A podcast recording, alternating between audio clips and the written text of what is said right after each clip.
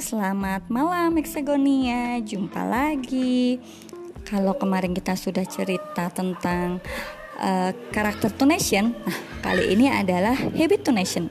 Kenapa? Karena karakter itu terbentuk dari habit. Kemarin kan aku ambil habitnya itu tentang eh karakternya itu yang mau tak latihkan ada empati. Maka habitku adalah menyerap dan mendengarkan serta berusaha menempatkan diri untuk merasakan orang lain awalnya aku bingung banget loh gimana ya caranya membuat ini itu bisa membantu project passion ke hostku gitu. Berkali-kali aku tanyain di grup gimana ya guys ini? Kok aku jadi galau malahan? gitu. Bahkan ketua leader ke hostku tuh sempat nawarin apa mau ganti mong? Oh enggak aku kayaknya harus belajar empati deh. Kalau enggak nanti aku eh, nggak uh, maju-maju aku bilang gitu. Tapi gimana ya caranya supaya empati ini berhubungan dengan project passion paling nggak bisa berkontribusi gitu.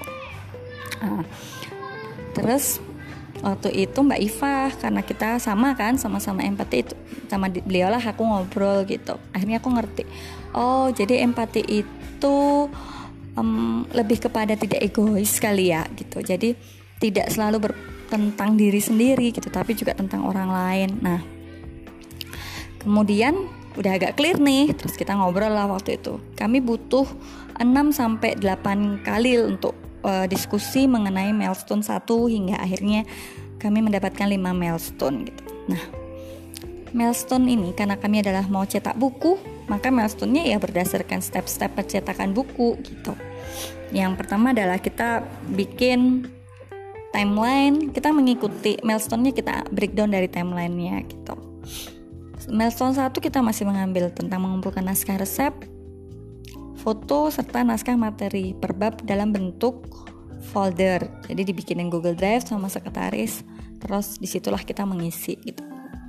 Kemudian milestone yang kedua uh, penggabungan naskah dan kelengkapannya dalam bentuk draft. Meskipun ini dilakukan oleh PJ, PJ editing, namun kalau kita para warga kohos itu tidak membantu ya nggak akan terjadi gitu. Di situlah kontribusi kami. Nah habitnya apa sih? Kami mulai mencoba menguji coba res, apa, resep setiap hari hingga deadline-nya tiba yaitu tanggal 14 November. Kemudian kami membuat menu yang akan ditampilkan di buku. Terus kita membaca artikel referensi artikel. Misalnya nih kayak aku aku kan mau nulis tentang uh, kenapa sih kita harus memasak gitu? Tapi bukan dari segi gizi bukan dari segi ya supaya kita nggak kelaparan untuk mau udah rahasia umum ya gitu. Nah aku itu ingin mengangkat bahwa memasak itu bisa mendekatkan pasangan atau dengan anak itu kenapa? Karena ketika memasak itu kita bisa memenuhi bahasa kasih pasangan gitu. meskipun bahasa kasihnya berbeda. Misalnya nih aku sama Mas Era. Bahasa kasihnya Mas Era adalah sentuhan fisik. Bah dan uh, kata pendukung. Nah bahasa kasihku itu sentuhan fisik dan waktu berkualitas. Nah buat aku ditemenin masa itu menyenangkan sekali gitu. Nah gimana cara menuhin bahasa kasihnya Mas Era? Ya kita banyak puji. Apa yang sudah dilakukan kita apresiasi. Itu akan membuat penuh tangki kasihnya Mas Era seperti itu. Nah itu yang akan aku jelaskan di buku nantinya. Nah Terus penghambatnya apa? Ya kalau kita suka nunda-nunda gitu, terus habis itu tidak memprioritaskan gitu karena sampai pekan ke hampir kelima ini pun gitu teman-teman co-host tuh masih ada yang belum memprioritaskan tugas kelompok ini sehingga kami-kami itu masih kesulitan gitu. Kadang saya sama leader bilang udahlah kita putuskan aja nanti mereka tinggal kita kasih kalau mereka mau perbaiki ya sudah kita perbaiki gitu. tapi setelah dipikir-pikir kayaknya nggak mendidik juga gitu memang zaman SMA uh, eh, kamu kalau nggak ngerjain tugas kamu nggak dapat nilai kan enggak gitu. Kemudian tidak disiplin dan susah dihubungi itu tadi. Nah solusinya gimana? Ya buat teman-teman yang masih kesusahan untuk memprioritaskan dan masih kesusahan untuk membuat manajemen waktu ya mereka harus membuat jadwal kegiatan. Mereka harus bikin kuadran prioritas kemudian mereka harus merapikan manajemen waktu.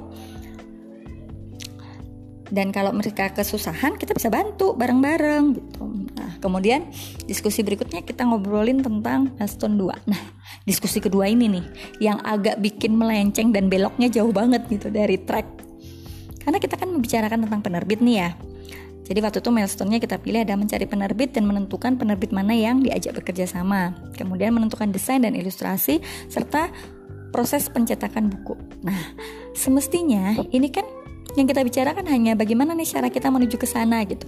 Tapi ternyata bablas sampai akhirnya mengontak penerbit, sampai akhirnya uh, ada saran untuk bikin SWOT gitu. Terus ketika ini sudah hampir mendekati uh, deadline nih gitu, kita sadar kok kayaknya kita beloknya kejauhan ya. Padahal yang kita butuhkan hanya cara dan jalan untuk menuju milestone itu apa. Misalnya nih, kita saling berkomunikasi. Nah, gimana cara cara komunikasi gitu? Habit yang kita latihkan adalah saling berkomunikasi. Sebenarnya yang ada di pikiranku, nah, uh, habit yang kita latihkan itu misalnya mengontak satu penerbit setiap hari gitu. Terus setiap orangnya gitu. Kemudian bikin laporannya gitu. Atau paling tidak kita serahkan aja ke PJ penerbit. Gitu. Ini nih, aku udah dapat data dari penerbit A, B, dan C gitu. selama Nah, tiap orang selama tiga hari mengontak satu orang, eh satu penerbit gitu pun yang lain gitu. Nah, PJ penerbit ini kan sudah dibantu tuh dengan 9 orang yang lain. Nah, dia tinggal bikin SWOT-nya. Itu kan sebenarnya kalau real real activity-nya ya, tapi ini kan sebenarnya cuman jalan dan caranya aja. Nah, kita kebablasan tuh sampai sana sini tapi akhirnya jadi tahu gitu.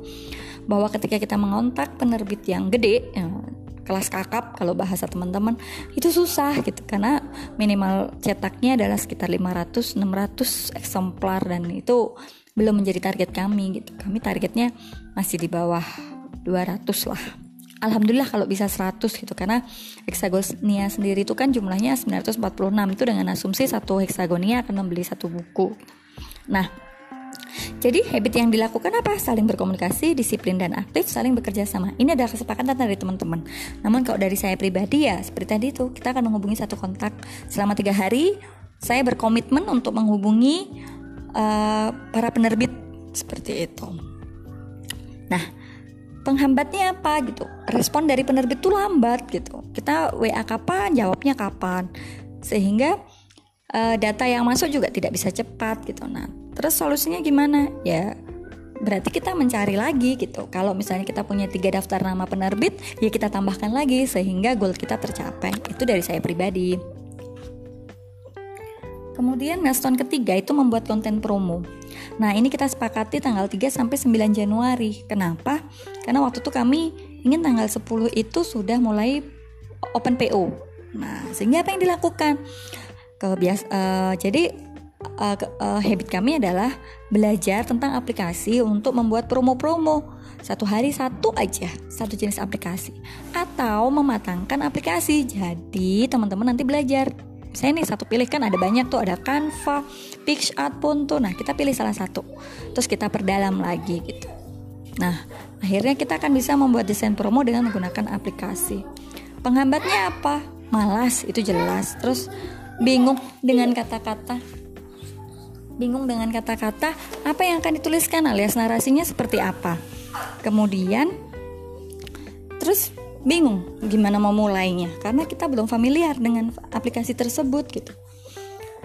Nah, akhirnya solusinya adalah ya kita belajar dari teman-teman yang sudah pernah bikin gitu. Kemudian kita mencari tutorial atau referensi di YouTube. Cari deh pokoknya yang paling nyaman buat newbie gitu. Nah, kemudian baru nih tadi malam uh, benar-benar detik terakhir ya kami menentukan milestone keempat dan kelima gitu ya. Itu tadi karena kami terlalu terdistraksi dengan penerbit gitu yang sebenarnya bukan itu yang harusnya kami bicarakan gitu tapi jalan dan caranya gitu. Nah sementara untuk pembicaraan itu yang mengikuti timeline gitu.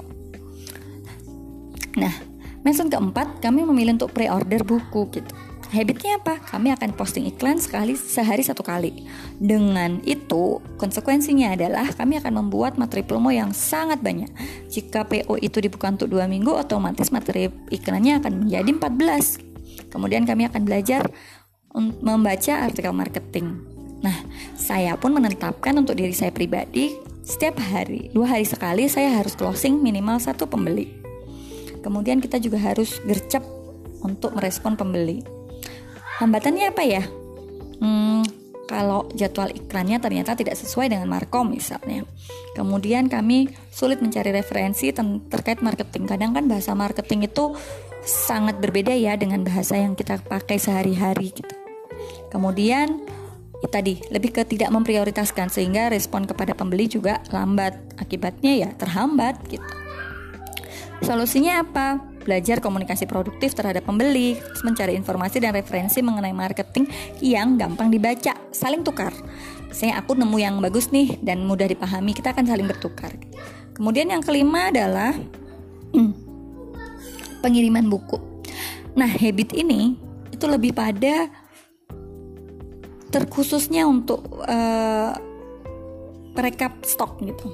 Kenapa? Karena semua orang beriklan, semua orang akan melaporkan, eh hari ini aku closing 2 nih, aku hari ini closing 3 gitu. Otomatis perekap stok harus melakukan rekap stok hari itu juga.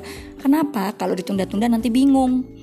Kemudian buku segera dikirimkan setelah invoice terbayar. Jadi nggak ditunda-tunda lagi, nanti bingung lagi. Aduh, yang udah mana ya, yang belum mana ya gitu. Kemudian kita membaca review ekspedisi yang baik karena banyak kan ekspedisi abal-abal, ekspedisinya nakal kayak gitu kan banyak banget. Nah, penghambatnya apa?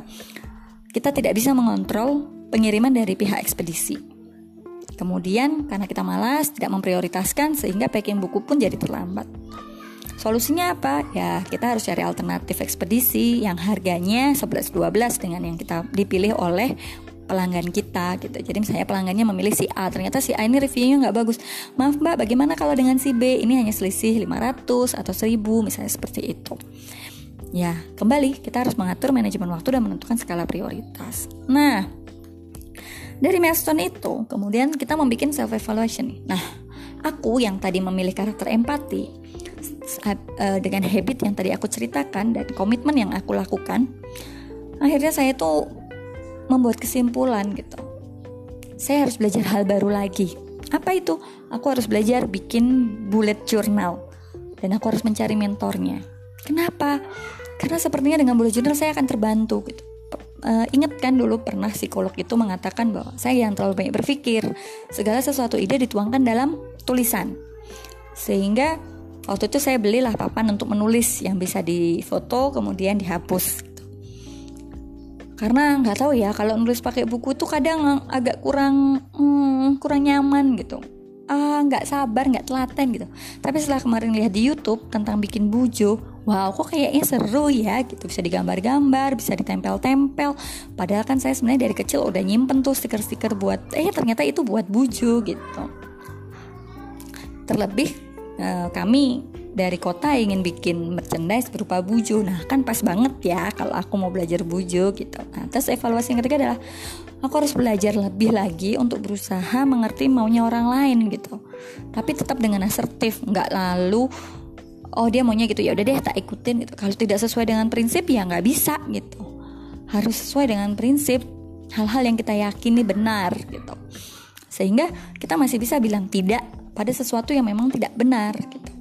Namun kita juga harus melihat uh, apa ya uh, pendapat dari teman-teman di sekitar kita sehingga dengan itu empati kita akan terlatih. Oh, si dia itu berkata seperti ini karena menurut dia begini. Oh, si ini begini. Jadi tidak kita tidak memaksakan kehendak lagi. Oke, seperti itulah ceritaku tentang habit to nation kali ini. Ketemu lagi besok. Bye.